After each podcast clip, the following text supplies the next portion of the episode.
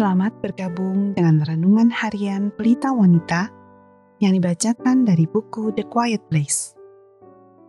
Pembacaan Alkitab hari ini diambil dari Rut 4 ayat 13 sampai 17. Lalu Boas mengambil Rut dan perempuan itu menjadi istrinya dan dihampirilah dia. Maka atas karunia Tuhan, perempuan itu mengandung, lalu melahirkan seorang anak laki-laki. Sebab itu perempuan-perempuan berkata kepada Naomi, Terpujilah Tuhan yang telah rela menolong engkau pada hari ini dengan seorang penebus. Termasyurlah kiranya nama anak itu di Israel. Dan dialah yang akan menyegarkan jiwamu dan memelihara engkau pada waktu rambutmu telah putih. Sebab menantumu yang mengasihi engkau telah melahirkannya. Perempuan yang lebih berharga bagimu dari tujuh anak laki-laki.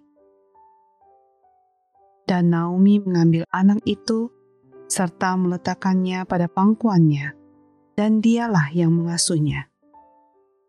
Dan tetangga-tetangga perempuan memberi nama kepada anak itu, katanya. Pada Naomi telah lahir seorang anak laki-laki. Lalu mereka menyebutkan namanya Obed. Dialah ayah Isai, ayah Daud. Ayat kunci hari ini adalah dari Rut 4 ayat 15a. Dan dialah yang akan menyegarkan jiwamu dan memelihara engkau pada waktu rambutmu telah putih. Tidak pernah putus harapan. Salah satu hal yang terindah dari hati dan jalan Allah adalah saat kita gagal dan berbelok dari kehendaknya. Allah akan langsung memulai rencananya untuk menyelamatkan dan mengembalikan kita kepadanya kita melihat hal ini di kehidupan Naomi dan keluarganya. Setelah mereka melarikan diri dari kelaparan yang melanda Bethlehem, pergi menuju ke Moab. Awalnya mereka berencana untuk hanya tinggal sementara, tetapi akhirnya mereka memutuskan untuk menetap di Moab, di tanah yang tidak mengenal Allah. Selama bertahun-tahun mereka tinggal di sana, Naomi kehilangan suami dan kedua anaknya. Dia ditinggalkan sendiri, hanya ditemani kedua menantunya yang sudah menjanda. Naomi jauh dari rumah dan tidak mempunyai apa pun yang bisa mengembalikan semangat hidupnya. Dia tidak memiliki harapan dan dia sangat kecewa kepada Allah.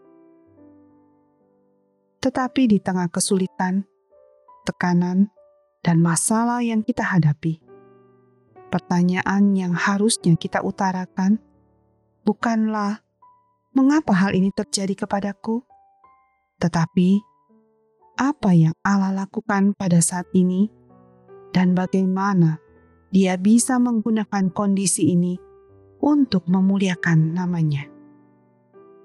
Naomi akhirnya kembali ke Bethlehem bersama menantunya Ruth dan melalui kebaikan hati Boas, Allah menunjukkan bahwa dia mampu untuk mengembalikan kegagalan dan kesalahan sebuah keluarga kembali kepada tujuan hidup mereka di dalam dunia ini. Melanjutkan garis keturunan dan generasi masa depan kepada Kristus. Anda mungkin mengalami titik di mana situasi sepertinya tidak mungkin bisa membaik. Setelah Anda memilih jalan yang salah dan menjauh dari rencana Allah, benar, kesulitan akan berlanjut.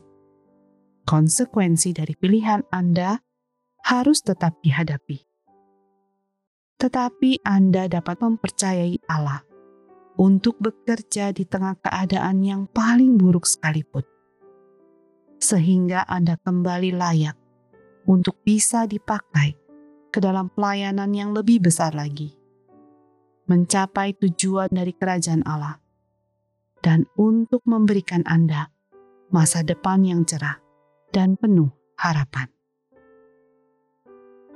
Sebagai penutup, mari kita renungkan pertanyaan ini. Apakah Anda lebih fokus kepada kegagalan Anda dan orang-orang di sekitar Anda, atau kepada rencana penebusan dan tujuan dari rencana Allah? Apakah Anda percaya bahwa Allah bisa menebus dan mengembalikan kondisi yang sepertinya tanpa harapan dan memakai proses tersebut untuk memuliakan namanya?